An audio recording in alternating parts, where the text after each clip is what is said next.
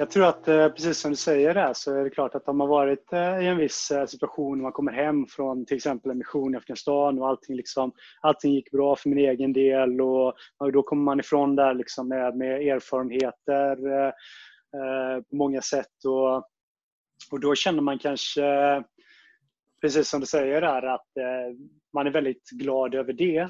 Men sen är vi som människor att vi, vi glömmer fort och vi anpassar mm. oss efter den nya tillvaron väldigt snabbt och, och då blir mm. ju de problemen som man känner då ändå liksom reella.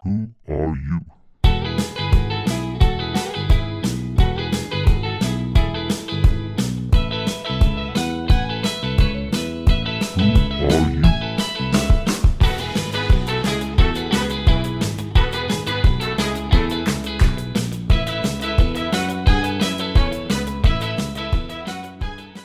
Okej, okay. alla hör fortfarande alla? Ja, jag hör det bra. Ja, vad bra. Vad bra. Då, då, då börjar vi inspelningen av det andra avsnittet av uh, Doldispodden. Som, kommer, som uh, spelas in redan tre dagar efter det första. Så det går uh, fort i hockey och i poddmakande som ni säkert har märkt. Jag fick äran av att presentera dagens avsnitt och, och gäst. Då. Så ska jag ge mig på ett uh, tappert försök och hoppas att, uh, att uh, du, Kristoffer, känner att jag gör dig rättvisa. Då. Ja,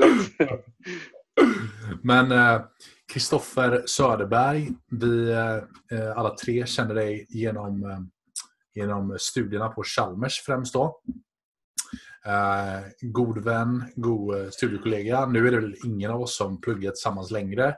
Du har ju gått över till en mer Eh, tekniskt eh, tung utbildning kan man säga med fokus på mjukvaruutveckling, ehm, eh, ja, eh, computer science. Du får förklara det där mer exakt sen om jag säger något fel nu. Ehm, du har även en eh, intressant historia bakom dig. Ett litet karriärbyte eftersom att du i många år har varit eh, inom det militära. Viktigast av allt, kommer från Göteborg och är en god gubbe helt enkelt. Välkommen Kristoffer eh, Tack så hjärtligt. Tack så hjärtligt Jesper. Jag tyckte du gjorde en väldigt fin presentation där. Eh, jag kan ju dra en liten eh, sammanfattning om min bakgrund tänkte jag då. Så jag inbjuder lyssnarna till vad jag gjort tidigare och vad jag gör nu. Ja, det är nog bättre än att jag sitter och ljuger ihop något. Ja, jag tycker du gjorde det väl rättvisa, men jag kan ju fylla i då vad det är för någonting ja, det är bra. tidigare. Och jag är ju nu då 36 år gammal. Jag bor i Göteborg. Jag har eh, börjat egentligen studera när jag var 31 år. Då eh, började jag studera med er på civilingenjörsprogrammet industriell ekonomi. Vi läser nu alla fjärde året och eh, precis som du var inne på där Jesper så läser jag nu en master inom software engineering och läst där ett år nu då. Heter Software Engineering and Technology mm. på Chalmers. Och mm. innan jag började studera, för jag var ändå ganska sen ute med att börja plugga, jag var ändå 31 år, så innan jag gjorde det så har jag haft en karriär inom eh, Försvarsmakten bakom mig. Mm. Och eh, där utbildade jag mig 2007 till specialistofficer. Var första sån specialistofficersutbildningen som de hade efter att de gjorde mm. en liten omrangering som vi inte behöver gå in på i, i detalj. Men eh, efter det så jobbade jag som yrkesofficer på kavalleriregemente 3, K3, uppe i Karlsborg. Och där jobbade jag mellan åren 2008 till 2015. Och i min eh, roll där så avslutade jag mer eller mindre min karriär 2015. Eh, och då var jag staff plutonchef på en av eh, plutonerna på den luftburna bataljonen uppe i Karlsborg. Och jag jobbade då även inom insatsförsvaret de sista åren. Jag har en mission i Afghanistan bakom mig, FS22, som jag var på 2011 till 2012. Det är ett halvår mm. där mellan årsskiftet 2011 till 2012. Mm. Och eh, det är egentligen eh, innan det jag gjorde innan jag eh, åkte till Afghanistan så var, genomförde jag en del värnpliktsutbildningar från 2008 eh, till 2010 kan man säga. Så det är en snabb summering då. en, en, en fråga bara för, eh, för någon som inte har något förflutet inom det militära. Vad eh, specialistofficersutbildningen var ny sa du. Vad, vad är skillnaden på att vara specialistofficer och att vara vanlig officer?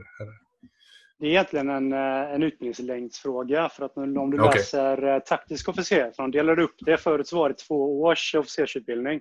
Sen så delar de upp det så att du ska läsa till taktisk officer och då hade du läst tre år istället innan du kommer ut och börjar jobba. Eller så kan du mm. läsa till specialistofficer. Då läser du ett och ett halvt år istället innan du kommer ut och börjar jobba. Och eh, då tyckte jag att det passade mig bättre att läsa ett och ett halvt år, komma ut och arbeta då, eh, på, på en skvadron på trupp eh, tidigare helt enkelt. Ja, okej. Okay. Ja, där ser man. Där ser man.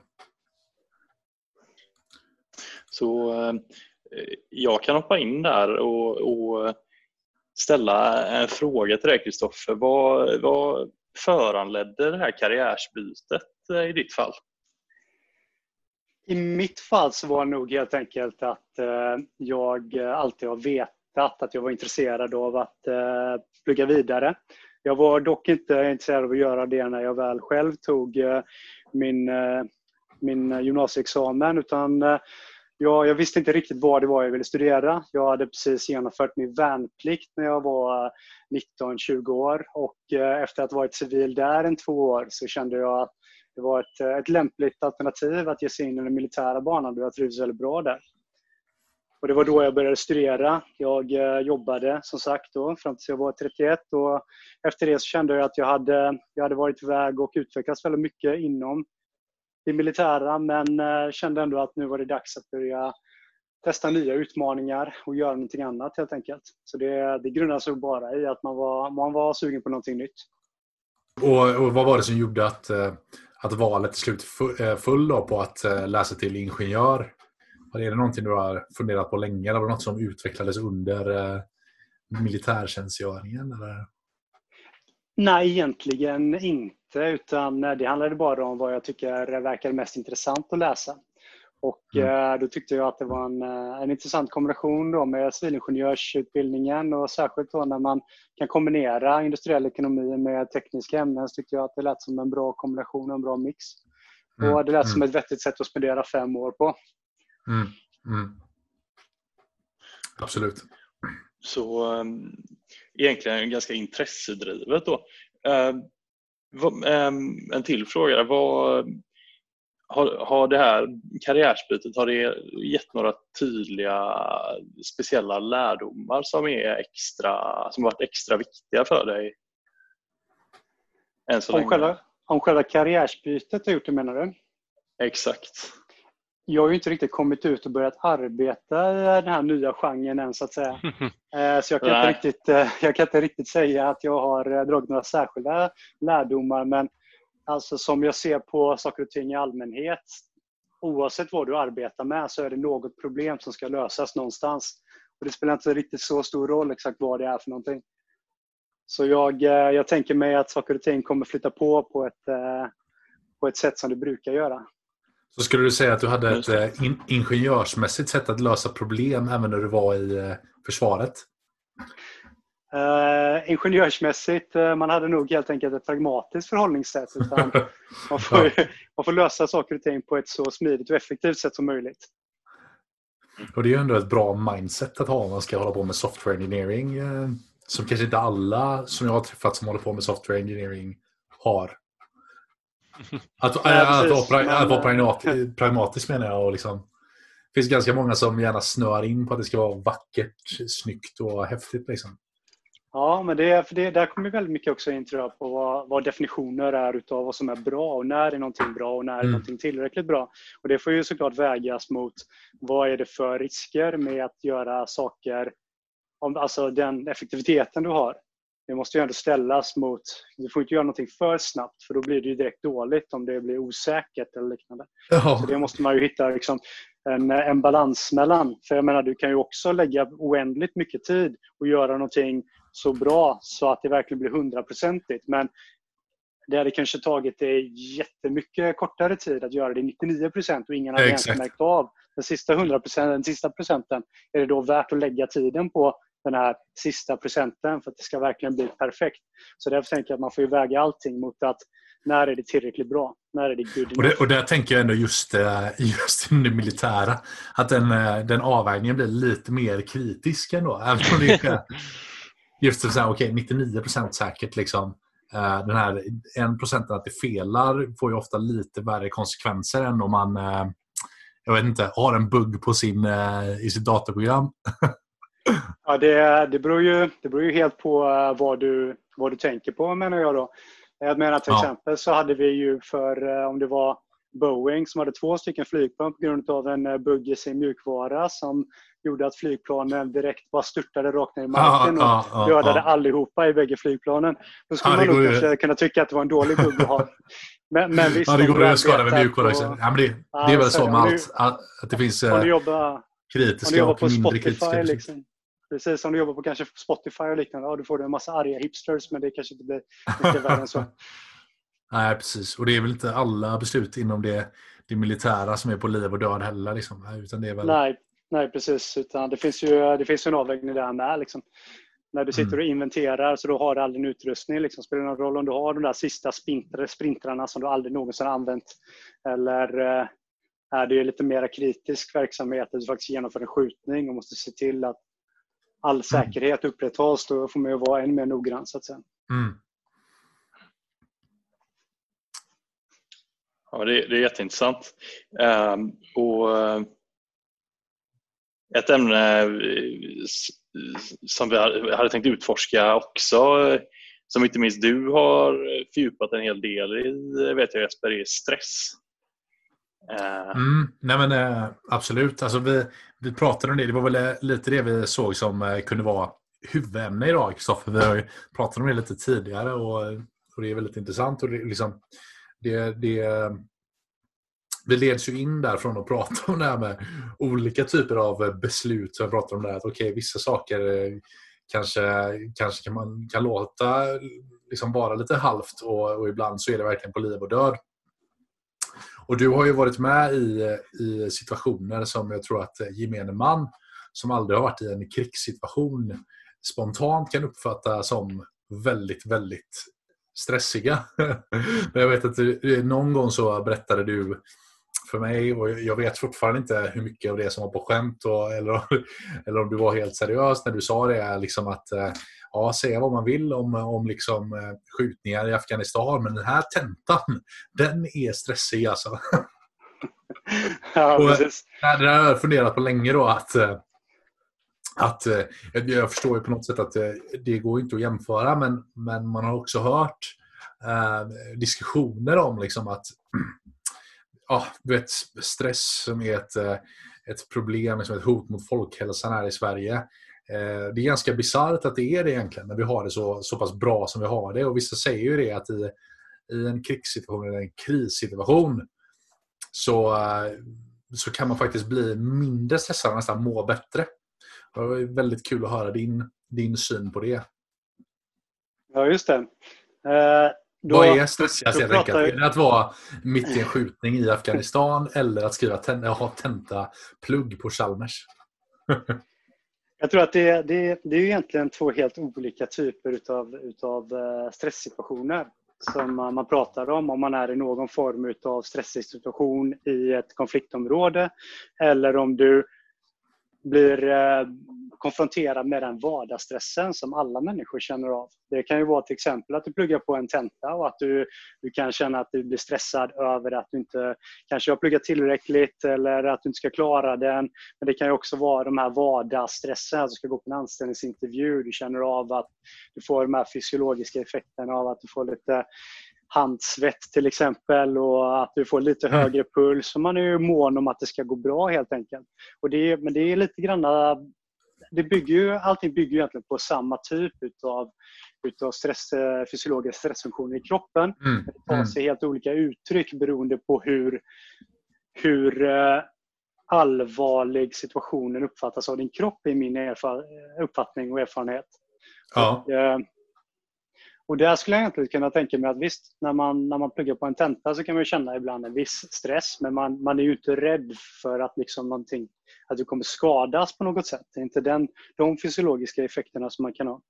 Nej, och det nej. Finns, eh, om man skulle ta och jämföra med eh, hur, man kan, hur man kan reagera till exempel i en, i en situation eh, när man uppfattar att man är under beskjutning i alla fall. Så mm. skulle jag kunna dra en anekdot från när vi var till exempel i Afghanistan. Och då, Mm. hade vi en, eh, då hade vi en operation vi skulle göra mot en, en bergsby. Liksom, uppe, i, eh, uppe i bergen. Det var ganska hög höjd. Och eh, då flög vi in där med helikoptrar mitt i natten. Det åkte in väldigt många. Det var en ganska unik operation. eh, Har nog aldrig genomförts i den skalan inom Sverige. Det låter som en riktig, riktig Call of Duty-scen. Liksom. Ja, men nästan till. Var ändå eh, kanske hundra man som flög in liksom, i helikopter allihopa. Vi hade attackhelikoptrar i luften som skulle skydda oss under den här eh, operationen. Vi visste också tidigare att när, den, när det hade varit en operation i mindre skala som hade gjorts mot samma typ av by så hade de mer eller mindre blivit beskjutna så fort de satte ner eh, helikoptern på marken. Så eh, det fanns ju en, vi visste att det fanns en hotbild i den här byn. Och när vi kom ner, kom till det här, landade in, kom med våra helikoptrar och hoppade av. och märkte att okej, vi blev uppenbarligen inte beskjutna när vi satte, oss, eh, satte ner helikoptrarna. Så började vi eh, påbörja en operation mot eh, den här byn för att leta efter lite motståndsmän och kanske hitta någon idéfabrik eller liknande. Så det var i alla fall ett syfte med att vara där. Och när man gick runt där uppe på den höga höjden, även om vi var rätt vältränade vid tillfället, så gick vi med plattor eh, som skulle kunna ta emot finkalibrig eld och liknande. Och de väger ju lite. Och vi hade all vår Mm. utrustning med oss. Så man märkte ju att man var ganska tungt lastad. Och när man gick uppför så kände man direkt hur man började hyperventilera. Att det var, det var en, en effekt på kroppen. Och jag minns att jag tänkte själv att jäklar, om vi blir liksom beskjutna här och man måste springa och liknande, då, då, Då det då, tufft. kommer jag ju, då kommer jag ju dö. Alltså. Jag, Mm. jag kommer ju inte överleva det. Liksom. Eh, Det var nästan den tanken som jag hade.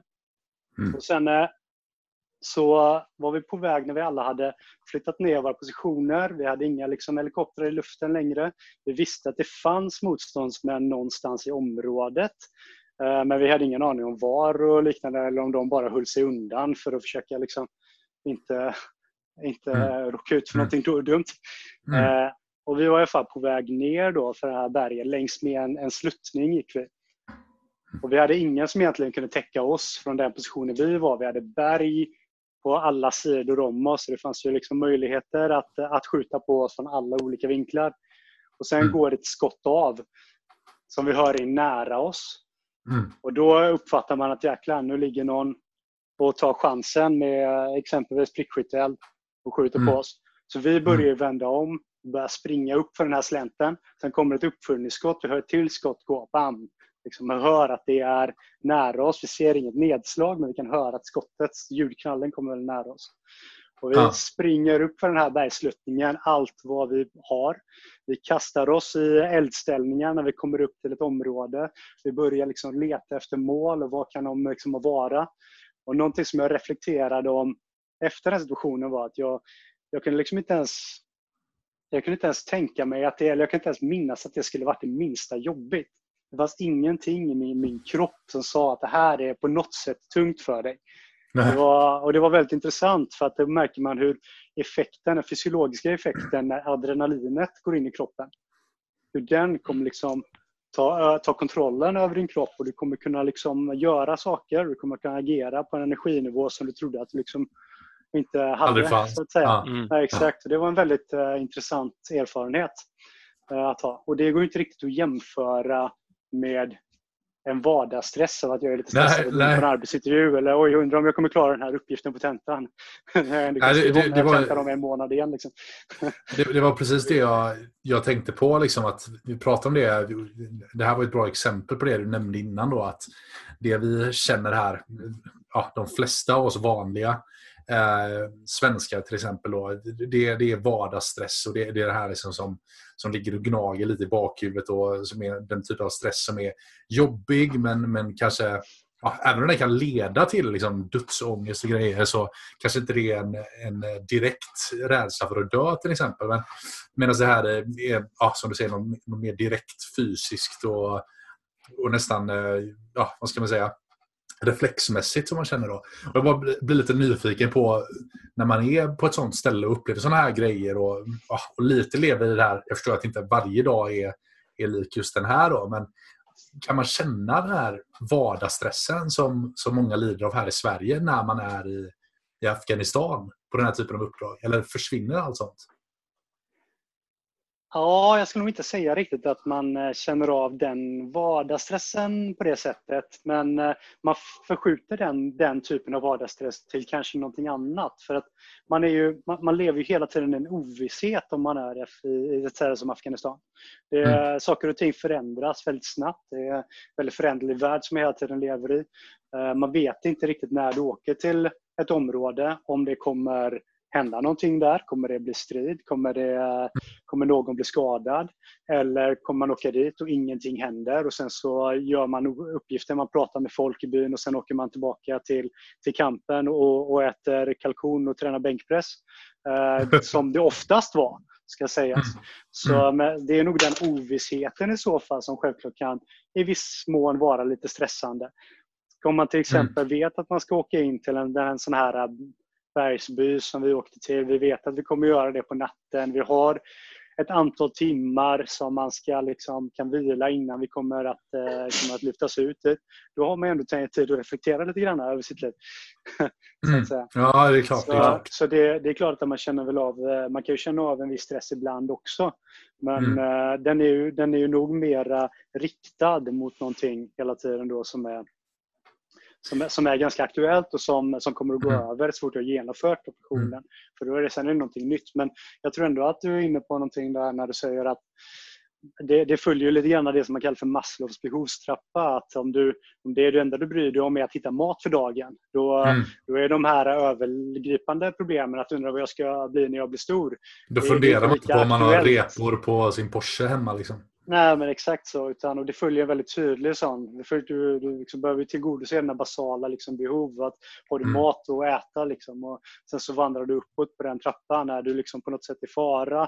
Sen går du vidare upp och så kan vi landa in på de olika typer av det man kan i viss mån säga ilandsproblem. Men man ska mm. ändå respektera att många människor eh, känner ju väldigt stor stress och det finns mycket psykisk ohälsa. Så för alla de personerna, även om, även om det kanske är värre att inte ha mat för dagen, om man nu inte hade haft det, så är det fortfarande ett mm. reellt problem som folk har, även om det är, man kan tycka att det är ett ilandsproblem. Verkligen, mm. verkligen. Känner du att eh, de här erfarenheterna har gett dig någon slags perspektiv på stress? Eh, kan du känna ibland att ja, men det här är illa, men fan, det har varit värre? Liksom? Eller om du förstår vad jag menar? Jag har i alla fall inte ja. 50 talibaner på mig nu. Nej, precis. Eh, jag tror att man, eh, man överlag kanske är lite mer... Man är väl tacksam helt enkelt att, eh, att man ändå har det så pass bra. Att man har fått leva liksom ett liv så pass länge och att man inte har kanske blivit skadad i olika sammanhang. Så då är det nog mera åt, åt det hållet att man får perspektiv på att hur allvarligt är det egentligen att missa den här tentan när jag vet att jag kan skriva den om två månader igen. Mm. Det hade ju kunnat vara ganska mycket värre liksom, om, eh, om man hade haft otur i olika lägen. Vi hade mm. ju till exempel när vi var iväg i, i Afghanistan så hade vi ju en, när vi genomförde en operation så, eh, så hade vi eh, några som var längst fram och skulle egentligen kolla efter lite olika minor som finns på ställen i Afghanistan när mm. folk lägger ut dem. Och eh, då, då befann ju våran pluton sig kanske 150 meter från en situation där vi såg en kille från våran, eh, från våran eh, skvadron då, som, som gick på en mina. Och vi mm. kunde se honom, han flög upp 4-7 meter kanske, uppskattningsvis, i luften. Roterade en eller två varv innan han träffade marken vid sidan av eh, vägen. Mm. Och eh, resultatet där var två stycken, eh, slutresultatet var att han blev av med bägge benen. Och mm. då får man ju ändå perspektiv såklart, att det är stackars killen liksom som mm. vars mission slutade på på det sättet när man är i tidiga 20-årsåldern och helt plötsligt inte har uh, bägge sina ben längre. Ja, precis. Då sätter ju det såklart perspektiv på, på tillvaron att, att det kanske inte är så allvarligt då om man inte klarar jag, jag, jag tänker verkligen eh, jag, jag har halvt hijackat den här stressdiskussionen nu, men jag, jag kör på tills ni stoppar mig helt enkelt. För jag, jag tänker det liksom att efter att ha sett och fått den här typen av perspektiv och upplevt vissa sådana här saker när man kommer hem till Sverige då till exempel. Eh, tror du att liksom, hur upplevde du det då? Var, var det så att du, du såg problem som du, som du mötte i Sverige som mindre efter att du kom hem gentemot vad du gjorde, jämfört med vad du gjorde tidigare innan du åkte? Och, och i sådana fall, liksom, hur lång tid tog det innan, det, innan du liksom anpassade dig och började... Ja, förstår du vad jag menar? Liksom? Ja, ja, jag förstår Inte en sån effekt och hur, hur, eh, hur länge varar den effekten i sådana fall? Ja, just det. Jag tror att eh, precis som du säger där så är det klart att om man varit eh, i en viss situation, man kommer hem från till exempel en mission i Afghanistan och allting, liksom, allting gick bra för min egen del och, och då kommer man ifrån där liksom med, med erfarenheter eh, på många sätt och, och då känner man kanske precis som du säger där att eh, man är väldigt glad över det. Men sen är vi som människor att vi, vi glömmer fort och vi anpassar mm. oss efter den nya tillvaron väldigt snabbt och, och då blir mm. ju de problemen som man känner då ändå liksom reella. Om ni förstår jag menar. Snart känns det som en livskris när, när datorn hänger sig igen. Liksom. Ja, men exakt. Eller nu när min eh, Macbook har eh, och tangentbordet har slutat funka. Så tänker jag bara, vad fan. Längtar tillbaka till Afghanistan. Ja, men exakt. Vad enklare. ja, det, det tänkte jag faktiskt precis på. Finns det någon aspekt med sådana annorlunda liksom, eh, ja, vad ska man kalla det, kemiska reaktioner i kroppen med adrenalin och sånt? Kan man sakna sådana eh, jag vet inte vad man ska kalla det. Liksom man får en, en eh, kick eller en rush. Ja, ah, precis. Det har man ju hört eh, vissa i sådana, mm. i sådana sammanhang liksom säga. Just det. Uh, för min egen del så kände jag inte riktigt uh, att jag saknade den, uh, den delen. Jag har inte riktigt reflekterat över det på det sättet heller. Däremot så har, vi, har jag hört det från andra som var på samma mission. För vi var ju olika typer av plutoner. Vi löste ibland olika uppgifter, ibland var vi på samma och vi löste samma uppgifter. Mm. Vi hade vår sidopluton. De blev ju beskjutna vid ett tillfälle när de var iväg på, en, på ett uppdrag. Och då, då blev de beskjutna med två stycken kulsprutor som uh, mer eller mindre höll ner plutonen. Och de lyckades ändå där skjuta tillbaka och dra sig ur stationen och alla klarade sig oskadda ur det. Och då kunde de nog känna liksom att det fanns en, en, en, eh, en adrenalinkick i att ha klarat sig från en sån situation. Mm. Eh, de var faktiskt utsatta för ytterligare ett, ett eldöverfall ett annat tillfälle när de när de både fick nedslag framför sig och bakom sig. Men sen öppnade hela plutonen eld mot det stället där de var beskjutna och sen var det tyst där. Så det är klart att då känns det väl också att man har liksom mött ett hot och sen lyckats bemöta det hotet. Att man får någon form av rush i det här att ja, mm. vi, vi, liksom lyckades med vår uppgift på ett, på ett bra sätt. Uh, så det, det, är väl mera sånt som jag typ har hört, men jag, inte själv, jag uppfattar inte själv det som att det är någonting som jag saknade, att få den adrenalinkicken. Så. Jag, jag tänkte bara ställa en eh, fråga där Kristoffer. Du sa eh, en situation där det, som var väldigt, väldigt stressande och det krävde fysisk ansträngning och eh, känslan var att det liksom inte var ansträngande på grund av omständigheterna. Eh, eh, vad, eh, har du något minne av återhämtningsprocessen efter det? För att det, det är något väldigt, det är väldigt intressant också då.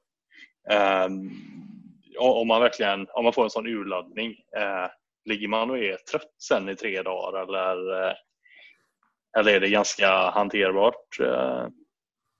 Nej, utan för min del så var det mer att när sessionen var över så var man tillbaka, tillbaka som man var normalt sett så att säga. Det skulle väl kanske vara de personerna som har blivit utsatta för någon form av adrenalinkick som gör att de springer i timmar. Och då, då kan det ju, när man verkligen tummer hela sin energidepåer, då skulle det kanske ge mer sån effekt. Men jag det uppfattade inte att, eh, att det var en lång återhämtningsprocess utan eh, det var nog man, eh, man, kom ner, man kom ner i pulsen då ganska snabbt efteråt och, och fortsatte jobba. Jag tänkte bara ta, innan vi släpper det här stressområdet lite, tänkte jag bara fråga en, en annan generell fråga som jag själv tycker är väldigt intressant att diskutera. Och det, är, det är vad du tänker Kristoffer angående vår, vårt svenska samhälle idag. Liksom. Tycker du att, eh, det här är en svår fråga som jag funderar på mycket själv. är vårt samhälle för stressigt eller är det för lite stressigt?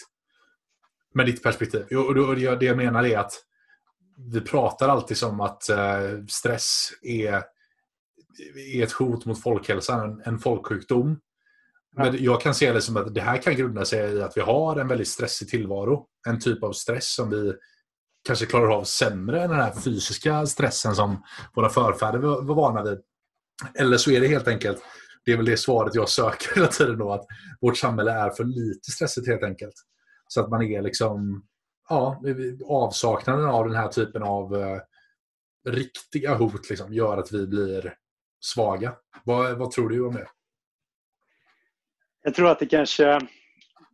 Jag, jag tror att eh, när det kommer till eh, hur människor uppfattar eh, sin, sin tillvaro så handlar det väldigt mycket om att hela tiden hitta mening i, i sin tillvaro. Att folk vill hitta mening i tillvaron och då tänker de att jag måste liksom uppnå de här sakerna. Jag måste plugga det här och jag måste lyckas med alla de här sakerna för att jag ska kunna liksom ha det bra. Det kan ju också leda till då att man stressar. Liksom. För man är väldigt bra, kan jag tycka, människor är väldigt bra på att stressa upp sig själv över saker. Även mm. om det faktiskt inte finns någonting egentligen att stressa upp sig över. För oftast så brukar det ju ändå vara så att även om man har varit stressad inför saker så har det alltid en tendens att lösa sig. Brukar det inte vara så? Mm. Jo, jo, man överlever ju allt som oftast i alla fall. Det brukar oftast vara så. Och eh, vi är nog helt enkelt bara väldigt bra på att stressa upp oss själva. Och, mm. och någonstans så kan jag ändå tycka att man får man får, det är väl lättare sagt än gjort, men att man ändå får, eh, får fundera över hur, hur, hur jobbigt är saker egentligen och hur viktigt är det för mig att, liksom, att stressa över allting i livet. Mm, och kanske något som brukar hjälpa mig är ju att måla upp lite sådana här värsta tänkbara scenarion. Liksom. Ja, precis. Vad är det egentligen? Vad är det värsta som kan hända? Det är väl en bra sak, mm. en bra utgångspunkt. Mm. Så fort mm. man tänker att nu är någonting jobbigt, kommer jag alltid fundera på vad mm. är det absolut värsta som skulle kunna hända. Så mm. kommer man nog fram till att det är inte egentligen så hemska saker som kommer hända. Nej. Om man missar den tentan eller om man inte fick det jobbet och så vidare. Nej, precis. Mm. Ja, skitintressant. Jag tänker vi skiftar ämne lite. Eh, något som vi också snackade om lite inför det var, ja, vi andra tre då inför intervjun, det var ju kring disciplin. Eh, om du har några lärdomar eh, därifrån och hur man tar sig upp på morgonen och hur man får saker ja, gjort. Liksom. Eh, just det har jag själv eh, mycket problem med i, en studiemiljö. ja, just det. Ja, precis. Jag har ju ändå utbildat även några värnpliktskullar när det runt 2009, 2010, 2008 där. Och då är det verkligen någonting som man, man kan identifiera, att folk får lära sig att komma in i en miljö de inte riktigt är vana vid, där de ändå måste gå upp klockan sex på morgonen. De måste liksom bo tillsammans med andra människor de inte känner. De går upp sex på morgonen, de får gå och äta sin frukost, de får gå tillbaka till logementen, de får städa allting. De får saker visiterade. De eh, får eh, visa upp sina skåp, att de har, eh, har rätt skåpsordning. Det är inte bara att det ska vara ordning, utan det ska vara ordning utifrån en bild som man har gjort. Så det blir väldigt tydliga ramar. Och det är ju mm. någonting som är som man, som man också kan eh, hänföra till liksom disciplinen som finns inom, inom det militära såklart. Att, eh, att man, man går upp och man löser en uppgift och det, det finns inte att man kan ligga och dra sig. Och det finns ändå en, eh, ett bra ordspråk som jag tycker när det kommer till, precis som du säger, att hur gör man för att ta sig upp på morgonen? Som en äldre befäl till mig myntade vid något tillfälle. Och då sa han att varje morgon så måste man leta upp låtmasken inom sig och slå ihjäl han. Det är lite, det är lite så det är. Alltså man, man får helt enkelt bara bestämma sig. Att, eh, vill jag vara produktiv eller inte? Vill jag, vill jag eh, resignera mot min egen lättja? Mm. Då kan man ju göra det och eh, vara nöjd med det. Eller om man känner att man vill gå upp och ta tag i saker, då, då, då börjar det med en själv. Då gäller det bara att göra det. Det finns, mm. inte så mycket, det finns liksom inte så mycket hemligheter med bakom det. Att man bara måste säga till sig själv, nu gör du det. Mm. Det ger ett intressant perspektiv att börja med att möta latheten, eller vad man nu ska säga. Ja, verkligen. Jag tror att mitt problem är att jag, eller mina värsta dagar är att man inte ens kommer dit. Uteman liksom. Förstår inte vad det är som händer va? Jag är ju inte lat. Nej. Men jag tror också att om, när man till exempel gör eh, sin värnplikt och kommer till en sån eh, miljö där man bor tillsammans med många andra, då, då finns det inget utrymme att ligga och dra sig eh, 20 minuter extra, utan då kommer man få höra det från sina vänner, om inte Mm. annat. Som, eh, Mm. som ändå får göra sina, ens egna uppgifter om någon annan inte löser sina uppgifter. Så det, Mm. det finns en intressant eh, gruppdynamik i det. Att se till Ja. att folk- Ja, Det är intressant, eh, intressant eh, grej för då kanske man också hade haft ett mindre stressigt liv om man hade gjort grejerna man stressar över. Liksom. Ja, Eh, ja, Men... Eh, eller inte. Man kanske hittar något annat stressa över. Det gör man säkert. Ja. Fan, tror, tror du det hade varit bra för alla att eh, göra lumpen? Som med någon slags Eh. personlighetsutvecklings... Jag, jag, tror defini- jag tror definitivt att eh, det kan vara intressant för alla människor göra lumpen utifrån det perspektivet att man får komma ut och, och eh, lära sig väldigt mycket saker om sig själv. Man eh, kommer ut i, i skogen och, och får, får vara i en miljö. Man, liksom inte, man kommer ut ur sin comfort zone och man får möta nya utmaningar som man kanske inte blir konfronterad med annars. Så Mm. från ett sådant perspektiv så är det självklart att det är, kan vara lärorikt. Och vi har ju även haft eh, vid något tillfälle när det blir en, en sån miljö när vi hade någon värnpliktskull som ryckte in under, eh, under vintern. Då, då var det i Karlsborg nästan unikt kallt. Det var ändå nere mot 25-30 minus. Det var, jag tror det var vintern 2009. Det brukar inte vara så kallt i Karlsborg. Och eh, de fick ju någon form av eh, smärre chock när de skulle ut då på sin första fältvanevecka. Det är 25 och 30 minus. Liksom. De är ute en hel vecka. Eh, en fältvanevecka innebär att man kommer ut i skogen och så genomför man utbildningar ute i skogen men att de, de kommer inte in till en kasern. De får inte avnjuta alla bekvämligheter med toaletter och komma in och sitta ner och äta en varm mat i en, i en matsal utan de är ute i skogen och de gör sina behov i skogen och de äter mat i skogen och de fryser i skogen. Och Det är lite så, det som är intressant när man är ute på vintern i skogen det är att man Mm. måste jobba hårdare än vad man behöver göra när det är sommar för att man kommer inte per automatik vara varm. Så, så fort man blir kall Mm. måste man börja jobba. Så det, är, det är konstant arbete. Du måste hela tiden se till att arbeta. Får du blöta strumpor då kommer de troligtvis frysa i 25 minus vilket kanske inte är bra för din hälsa. Om du eh, håller på med... Det någon varit jobbigt för mig som eh, svettas så otroligt mycket så fort jag jobbar. Ja, men precis. Då får man jobba aktivare och, och ständigt Okej. eh, byta tröjor. Eh, Ja. Jobbar du med vätskor som inte har en, eh, en frystemperatur på 0 grader, de kanske har en frystemperatur på minus 33 grader, ja, då är kanske den håller minus 30 grader och får du det på din blotta hud, då får du en djup brännskada direkt. Eh, Eller fel, förfrysningsskada heter det. Ja, just det. Just det. Eh, Och ja, utifrån sådana aspekter så behöver man helt enkelt jobba mycket hårdare när man Mm. kommer ut i det, en vintermiljö. Fan, bara det låter helt eh, främmande för mig. Liksom. Ja. Jag tycker, du, jag tycker ditt, eh, ditt svar på frågan eh, om det vore bra för alla att göra lumpen var lite väl diplomatiskt, Krille, när du sa att det? det vore i alla fall intressant för alla. Jag skulle bara vilja höra vad du faktiskt tycker. Vore det bra för, ja, men på ett samhällsplan om, om fler där ute faktiskt hade den här, eh, eller ja, de här erfarenheterna, tror du? För Jag, tror, jag, tror, jag, tror definitivt, jag tror nog att alla människor, det är väl svårt att ge ett generellt svar på det, för alla människor är olika och alla människor värderar saker på ett olika sätt. Eh, om du till exempel är en människa som är eh, hardcore pacifist, måste man också inse att om du ska gå in och genomföra värnplikten, våran uppgift är att kunna verka med dödligt våld när så krävs. Det är liksom det vi Mm. övar. Det är inte så att vi övar på att ge ut filtar till folk och vara liksom eh, fina människor i den bemärkelsen. Mm. Utan vi, Mm. vi ska lösa en, en reell uppgift liksom, där det krävs att man, man kommer med beväpnad liksom, för att överleva. Mm. Eh, Så att det, det är ju det man gör och, och då måste man också gå till sig själv och se liksom, det kanske inte är, är bra då för precis alla att göra lumpen beroende på vad, vad man själv, eh, vilka värderingar så att säga man har och, och vad man är beredd att göra också.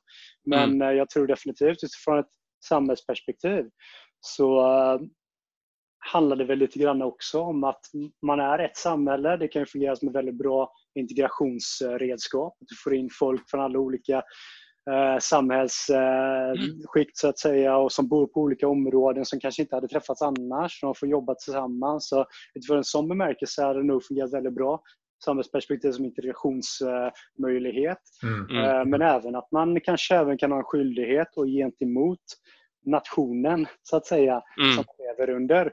För att det är ändå, det är ju lite grann så att eh, även nu när man ser under så här coronatider, de, de, vad, vad är det som vi som studenter har för, för förpliktelser? Ja, vi ska sitta hemma och tvätta händerna. Typ. Mm. Men, eh, men medan Ja. vårdpersonalen, de ska ju stå där och, och ta hand om alla som är smittade med corona och kanske inte har skyddsutrustning och så vidare. Så jag menar, Mm. det, finns ju, det finns ju vissa positioner i samhället som är ganska viktiga att ha. Och det finns ju kanske då också en, en viss skyldighet hos medborgare i viss bemärkelse att även, eh, att även ställa upp för, för det samhälle man lever i. Och det kan man Mm. ju göra på ett vettigt sätt också då, via värnplikten. För om Mm. man skulle hamna i något väpnat angrepp, då, då är det nog det enda man kommer fokusera på. Och då är det ju bra såklart om så Mm. många som möjligt har en utbildning så att man kan försvara sitt land. Precis. Ja. Man undrar om det skulle... För det jag framförallt tänkte på var ju att ut, så här, stärka individens liksom, Ja, ett tålighet personligt plan. Liksom. Ja, precis. Ja, precis. Man undrar om det skulle kunna gå, eh, ja, väldigt spekulativt, men att ha någon slags eh, annan variant av värnplikten som inte nödvändigtvis är eh, Alltså som är mer på den här in, individuella nivån. Liksom. Att eh, om, man, om man nu skulle vara eh, pacifist då, eller Skulle vara Ja. grundskolan då, eller på att säga. Men, Ja, ja men precis. Nej, men i alla fall att eh, eh, sätta mer krav på eh, individer i något sammanhang. Eh, för att återkoppla till det du snackade om då Jesper, att vi kanske finns eh, skulle kunna vara så att eh, vi kanske har för lite krav på oss på många sätt. Eh, tänker jag. Ja, vi kan ju lämna den frågan där helt Ja. enkelt. Och, Det var ett rörigt... Eh, Eventuella lyssnarna klurar vidare på det. Ja, Okej, men, men för, att, eh, för att återkomma lite till corona, hela, hela krisen vi har nu med coronaviruset som råder. Eh, det blir ju en, eh, förutom att det är en samhällelig kris, så blir det ju en, eh, för många i alla fall, en kris på ett individuellt plan också. Och eh, det, det innebär uppoffringar för i princip alla. Eh, och det blir, det blir mer, eller mindre, mer eller mindre krisartat. Det som kanske karaktäriserar hela situationen i nuläget är väl eh, ovisshet egentligen. Man vet inte riktigt hur det ska utveckla sig. Eh, vad gäller ekonomi, vad gäller eh, smittospridning och sådär. Och, eh, du pratade lite om ovisshet i, i just att det, det kunde vara en eh, stressande faktor också i, ja, men när, man, när man är ute på militärt arbete, Kristoffer. Eh, så det skulle vara intressant att höra lite hur du ser på hur man som individ kan, kan hantera om situationen känns jobbig i nuläget. Ovissheter kommer ju alltid att finnas oavsett vad man gör och att man liksom inte riktigt vet hur saker och ting kommer bli och vad man ska göra. Men jag tror att det bästa man kan göra i de här tiderna är väl egentligen att följa Folkhälsomyndighetens eh, råd. Se till att försöka självdistansera sig, tvätta sina händer. Drick blekmedel, höll jag på att säga. Gör inte det. Men eh, att, att, man, att man ändå ser till att eh, inte heller kanske slå på för stora eh, panikknappen bara för att eh, saker och ting eh, bara för att det finns den här smittan som finns i samhället nu. Utan man får helt enkelt eh, försöka ah, äta ett kex och andas och se lite hur utvecklingen ter sig. För eh, vi människor är ju ändå rätt pragmatiska och lösningsorienterade individer överlag. Så att eh, jag tror inte heller man behöver komma med någon form av domedagsprofetia bara för att ekonomin går dåligt eh, eller att folk inte, eller vissa jobb försvinner. Så jag tror ändå man får på något sätt försöka se möjligheter. För våran del som studerar så är det ganska enkelt att sitta och, och fortsätta plugga på distans och tvätta våra händer så att säga. Men eh, för folk som eh, kanske har arbeten som blir varslade så kan ju det såklart sätta lite mera krisstämpel liksom, på deras tillvaro. Och då, då kanske man även kan se det som en möjlighet också, även om det känns jobbigt liksom i stunden. Men att man ser en möjlighet, att det kanske finns ett utrymme då för att man börjar plugga och liknande. Det är ju ändå någonting som jag ser som eh, väldigt fördelaktigt eh, som vi har det i Sverige. Att du faktiskt eh, kan få en betald betald skolgång av staten och du kan få ett, eh, ett lån så du klarar ett uppehälle till ett mycket förmånligt eh, pris. så att säga. Mm. Och, och, Det är väldigt mm. få, få, få nationer som har det så. så att, det finns ju väldigt stora möjligheter om man, om man försöker blicka, liksom lyfta, lyfta blicken upp mot horisonten och se vad som finns. Så jag tror att man får, man får försöka vara lite pragmatisk som människa och, och se vilka alternativ som man har. Mm. Ja. det är väldigt bra. Um... Men här har vi, här har vi också en... Men okej, visst i Sverige så kanske det är så att för gemene man och än så länge i alla fall så påverkas vi kanske mest av att ekonomin går ner. Och det, det kan ju bli en, en liksom, nästan till existentiell kris för vissa. Men, men det är ju också så att vi typ ja, men de här mer basala behoven och, och liksom liv och död har ju kommit lite närmare oss här. Alltså inte minst när man ser rapporteringen från Italien och, och Spanien till exempel. Där det är, ja, men, man vet ju inte liksom, om det kanske är en skev bild av verkligheten, men där man, där man nästan till har fått sett krigsliknande scener liksom, med, med fältsjukhus och, och annat som, som upprättas. Vad, vad tror du om, om det, Kristoffer? Liksom, är det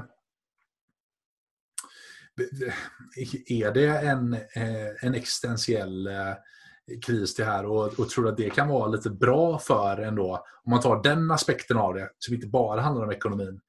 Uh, att kan det vara lite bra för oss ibland att påminna om det här?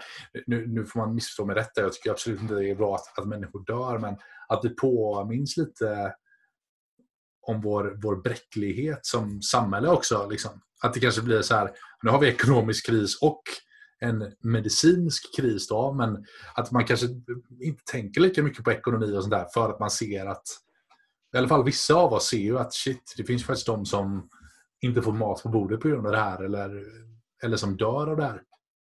Just det. Då blir det ju ett väldigt rejält eh, problem för en väldigt snabbt. Så. Eh, det, det är väl eh, till viss del, skulle jag väl hålla med om, att om, man nu konfronteras liksom med en sån här typ av kris. Det sätter ju allas liv lite grann på ändan. Har man någon närstående som ligger sjuk i corona och man själv kanske ligger liksom och får intensivvård med kollapsade lungor, då, då har man ju det som ett väldigt rejält problem. Så då kommer man inte kunna fundera på så mycket annat än just det. Mm. Men eh, jag tror fortfarande att det, det kan vara det, det, kan vara så himla många olika saker i livet som kan skicka en till någon form av kris. Om du förstår vad jag menar. Det finns så mm. mycket saker som kan hända så att man kan inte gå runt och vara rädd för allting som kan ske. Även om det nu finns en lite mer påtaglig eh, risk för just Corona och att det här kan vara farligt och eh, så vidare. Så, mm. så är det inte så mycket mer man kan göra än att, att försöka följa liksom de, de, de råden som finns från Folkhälsomyndigheten så gott man kan och hoppas på det bästa. Det, mm. det, det gör, utöver det så, så är det lite utanför gemene mans händer ändå. Mm. Kan jag tycka. Klokt. Snyggt. Ska vi ta oss vidare till, eh, till nästa nästintill helt orelaterade ämne? mm. nästa, nästa fråga handlar då om, eh, om ledarskap. Uh, och det är kanske generellt då, om vi försöker glömma bort den här coronakrisen som vi pratar om nu precis. Eh, du, du har ju liksom sett det här hierarkiska, ganska hårda och eh, konservativa ledarskapet som i alla fall eh, min bild är förekommer inom, inom militären. Samtidigt så har du läst en, en utbildning nu med en kandidatexamen inom management mer eller mindre där man får vrida och vända på det där och se lite olika skolor inom, inom ledarskap och runt omkring oss. För oss som är intresserade av detta så, så ser vi att det är i alla fall vad jag upplever att det, det finns en trend om, om mer mjukt och inkluderande liksom, platt ledarskap kan man säga som, som bygger mycket på att så här, uppmuntra kreativitet och, och liksom frihet hos individen som kanske står lite i kontrast med i alla fall det som traditionellt har förekommit inom, inom militären. Vad tänker du om det här Kristoffer? Vad, vad är en riktigt bra ledare för dig? För mig om jag tänker på hur... Det var, väldigt, det var en väldigt kort fråga som jag liksom byggde upp eh, Exakt med ett A4 där. Exakt så. Jag, jag, tror att, eh, jag ska inte utmana mig själv för att vara någon fantastisk ledare, men jag kan fundera lite på hur jag själv skulle vilja ha, eh, Eh, ha det när någon, när någon är ovens, liksom, satt över mig så att säga och jag ska ta direktiv från. Så vill man ju ändå att eh, det ska finnas någon som är som är pragmatisk, som kan lyssna men även ge mycket, ge mycket utrymme för en själv att arbeta i sitt eget gebit utan att eh, vara alltför kontrollerande. Eh, det tror jag att, att man känner att man får äga sina egna uppgifter och att man känner att man blir stöttad eh, i den rollen utav den som är ens chef eller vad man ska säga. Och Det tror jag gäller oavsett vad du jobbar med, om du jobbar inom management eh, eller om du jobbar som soldat på, en, eh, på ett förband i, i det militära. Utan alla människor tror jag ändå fungerar lite på det sättet, att man vill ha liksom frihet under ansvar i, i mångt och mycket. Och Sen så beror det ju väldigt mycket på Uh, vad det är för det ledarskapet man behöver implementera. Det beror väldigt mycket på vad det är för någonting som, som, som de underställda också visar på att de, att de är beredda att ta. Är de beredda att ta mycket eget ansvar och, och vill jobba, då, då kan man ju släppa mera på tyglarna så att säga och, och låta dem arbeta i sitt eget bit. Men om någon egentligen inte är så intresserad av att göra ett bra jobb, eh, då kanske man behöver vara mera kontrollerande och och se till att arbetet blir gjort. Så att jag tror att man behöver ändå vara pragmatisk och se liksom till vad är det för typ av vad är det för typ av individ som ska arbeta åt den så att säga mm. och vad är det den personen behöver för att både kunna utvecklas men även för att kunna göra ett, ett bra jobb så att de har, har kapaciteten till att göra ett bra jobb också. Och jag tror att det, det, det är ju, ja. det är ju en, en avvägning man, man ständigt får mm. göra. Så mm. är det ju.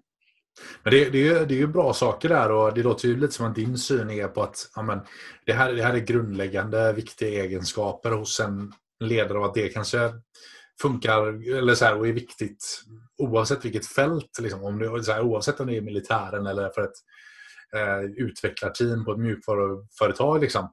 Eh, och det tror jag att jag håller med om ganska bra. Men, men skulle du säga också att, att det är så det ser ut? Att, att det fungerar så inom militären och ja, men du vet, att, att, det, att i alla fall det som anses vara best practice inte skiljer sig så mycket åt inom militären som det gör eh, ute i det civila samhället. Så här, man har ju en förutfattad mening om att det är mer hierarkiskt och konservativt där. Precis. Uh, när, du, när du är inne och lyfter upp saker så som eh, kreativitet, att man ska se liksom att man ska kunna sitta och spela tv-spel på rasterna för att sporra kreativiteten och liknande. Ja, det är klart att det blir en väldigt stor kontrast uh, till, till hur vi kan ha det när man slänger på folk en, en 60 kilos ryggsäck och så ska man gå ut och gå i tre dygn. Och det blir lite andra mm. referensramar helt enkelt utifrån vad arbetet kräver. Men mm. eh, inom, inom det militära så anses ju ändå best practice vara det man kallar för uppdragstaktik. Och uppdragstaktik bygger på att även om du får en uppgift som du ska lösa eh, du kanske har en grupp som, eh, som ska lösa en viss uppgift. Då, eh, då, då ger man egentligen det i stora drag, men man säger inte i detalj exakt hur de ska göra. Man säger inte exakt vilken väg du ska välja att gå, utan man ger all information man har om typ vilka fiender finns, vilket hot finns i området. Och eh, mm. så man, lämnar man det en del till, till den gruppen att lösa uppgiften på bästa sätt för att därigenom då kunna kunna själv eh, identifiera uppkomna situationer som sker och agera på dem. Så att man inte är mm. blint bara, någon har sagt till mig att jag ska gå här och därför gör jag det. Och Sen så blev hela gruppen utskjuten för att det visade sig vara ett dåligt beslut och man inte mm. tänkt efter liksom själv. Eh, så att eh, det anses ju ändå vara best practice men det är klart att det, det blir ju mera det finns ju en mer kontrollerande verksamhet eh, i det militära. Man visiterar mycket. Liksom, har, man, eh, har man verkligen vårdat alla vapen liksom, eh, på ett tillräckligt bra sätt och eh, man, eh, man ser till liksom, på olika chefsnivåer att, eh, att saker och ting görs på ett tillräckligt bra sätt. Så, så det, det, det är både och skulle jag säga. Mm. Det är inte så att man, man aldrig visiterar några vapen för att man utgår från att alla kommer att ha lagt in sitt vapen i kasun på ett bra sätt. Mm. För när det väl inte ligger ett vapen där, då, då har man ett problem. Mm. ja. Ja. ja, det var bra svar. Bra svar på en um, komplicerad fråga. Ja.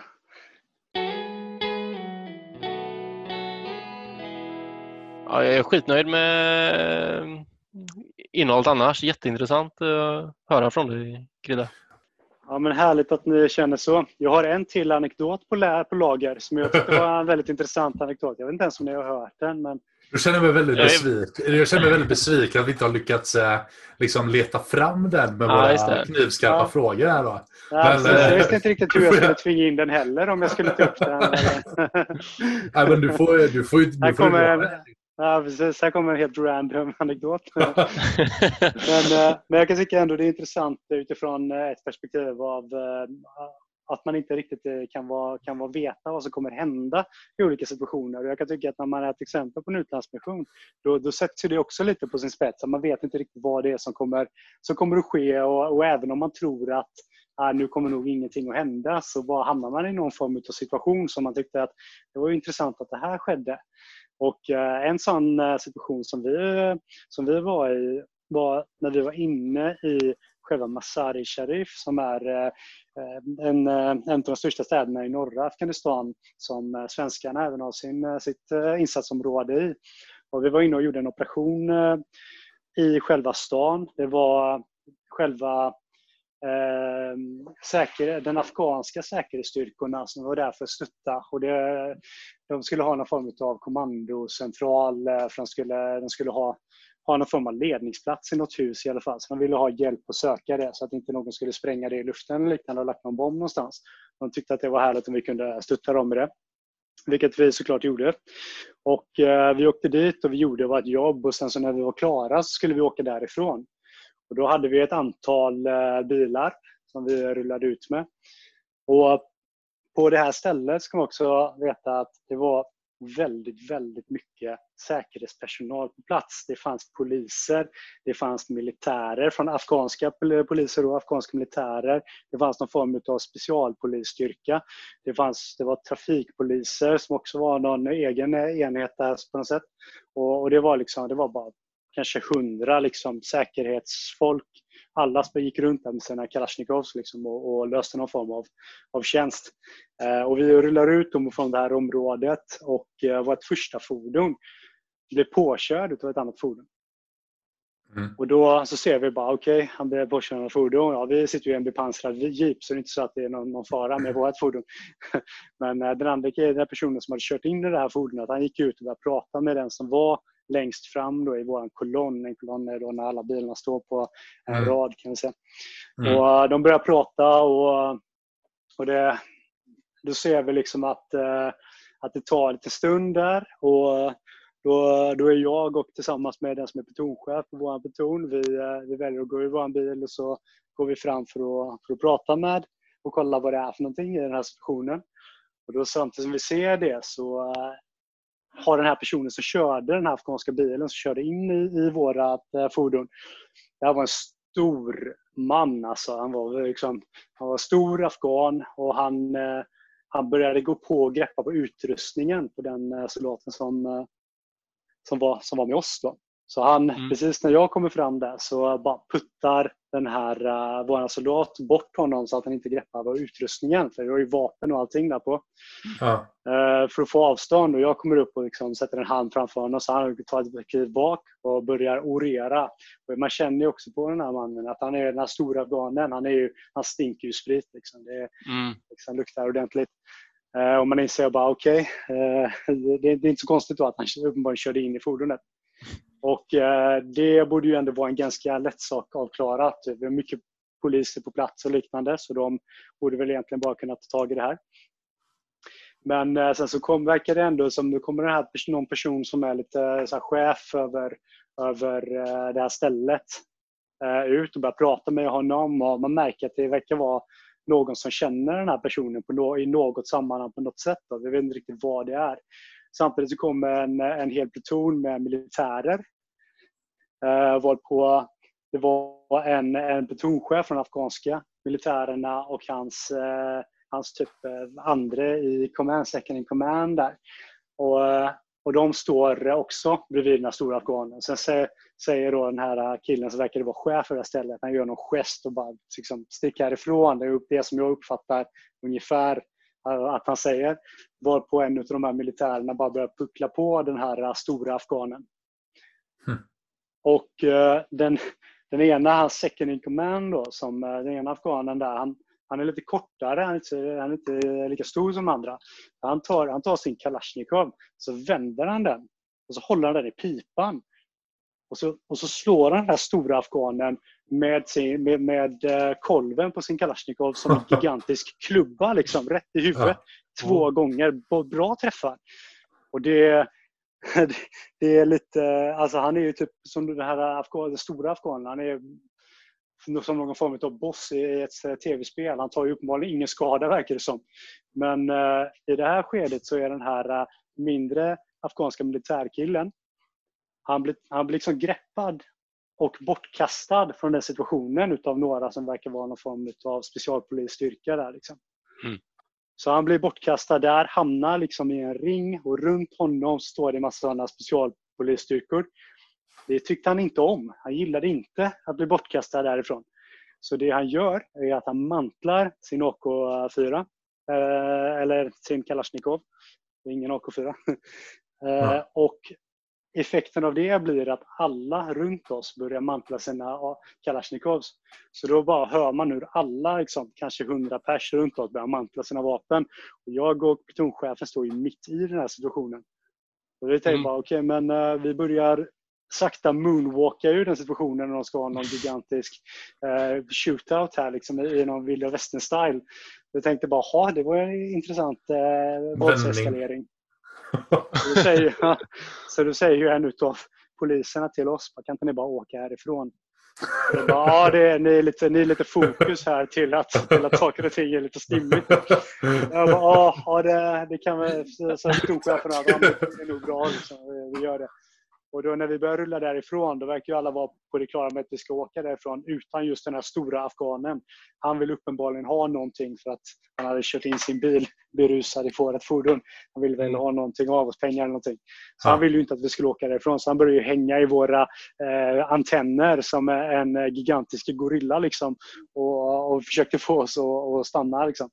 Så han ställde sig framför våra olika fordon och uh, springer, runt, ja, springer runt en av uh, dörrarna på fordonet. Bara liksom lyckas få upp den och få tag i en av soldaterna där. Och man tänker bara herregud, vad, hur ska det här sluta? Och vi har en takskytt som har liksom hänger över hänger över relingen på fordonet som har dragit sin pistol. Och, men eftersom att den här personen, stora afghanen, han är obeväpnad så det är inte, det är inte riktigt eh, ja. legitimt att, att uh, skjuta eller verka med dödligt våld mot honom. Och i samma ögonblick som det så kommer ungefär fem stycken poliser och bara brottar ner den där stora afghanen och släpar iväg honom typ därifrån. Men det är ändå en... Eh, det sätter lite granna eh, tonen för hur snabbt saker och ting kan gå från ingenting till att det sticker iväg liksom och blir en, helt klart en våldseskalering. Mm. Ja, väldigt fascinerande historia. Kul att du säger det, temat. det är torr är feedback. Nej, men verkligen, det, är, det är intressant. Och det är verkligen bra på temat eh, som vi pratade om innan. Att, eh, ja, du, du kan aldrig veta liksom, när, eh, vilken dag som kommer vara din personliga kris. Liksom. ja, precis. precis. Bra paralleller även till vår mer alldagliga verklighet. Mm. Nästan. Så är det. Mm. Ja, Vi kanske ska, ska säga så annars då. Det känns som att du har eh, så många anekdoter, Kristoffer, att eh, du hade kunnat vara material för eh, ett antal poddavsnitt till. Så vi får helt ja, enkelt försöka bjuda in dig. Ja, jag vet. Jag kan, även, jag kan även tillägga i, i sammanhanget att det första ja. jag pratar om när vi, när vi alla uppfattar att vi blev beskjutna, det är inte ja. nödvändigtvis så att vi faktiskt blev det. För vi såg aldrig några nedslag utan det fanns mycket annan säkerhetspersonal i området. Det skulle ju kunna ha varit någon som bara var i närheten, och sköt av den anledningen också. Så jag ska Mm. inte heller säga rakt ut att det här var liksom att någon, ingen blev skadad i det sammanhanget. Men eh, vi alla var övertygade om att vi blev beskjutna när det väl hände. Ja. Vi, det, det kommer att klippa bort det du sa här sen. Vi kommer bara klippa ut de råa bitarna i anekdoterna. Får bara säga, måste bara säga på record här nu. Tack så mycket för din eh, medverkan Kristoffer. Mm. Slutar vi spela in. Absolut. Det var ett sant nöje. Tack så mycket för att jag fick vara med i Doldispodden. Första gäst. Ja, Första gäst. Who are you?